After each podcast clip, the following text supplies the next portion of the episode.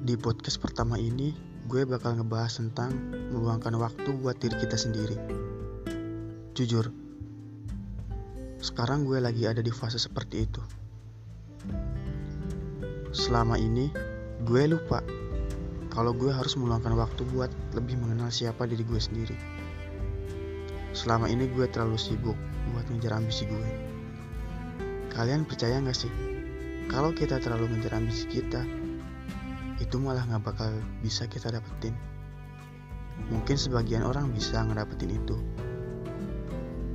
Dan gue gak tahu sampai sekarang, gue gak bisa ngedapetin ambisi gue. Ya mungkin cara gue yang salah kali ya. Sama akhirnya gue gak bisa ngedapetin itu. Entahlah gue juga bingung. Yang pasti sekarang gue lagi ada di fase buat lebih mengenal siapa diri gue sendiri. Sampai akhirnya ada suatu momen yang membawa gue ke fase ini. Awalnya gue bingung dong. Gue nggak tahu harus ngapain. Tapi perlahan gue bisa nemuin siapa diri gue.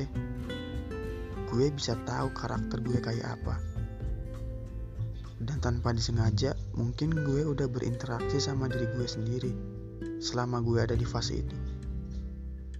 Dan akhirnya gue nyaman. Gue nyaman ada di posisi itu.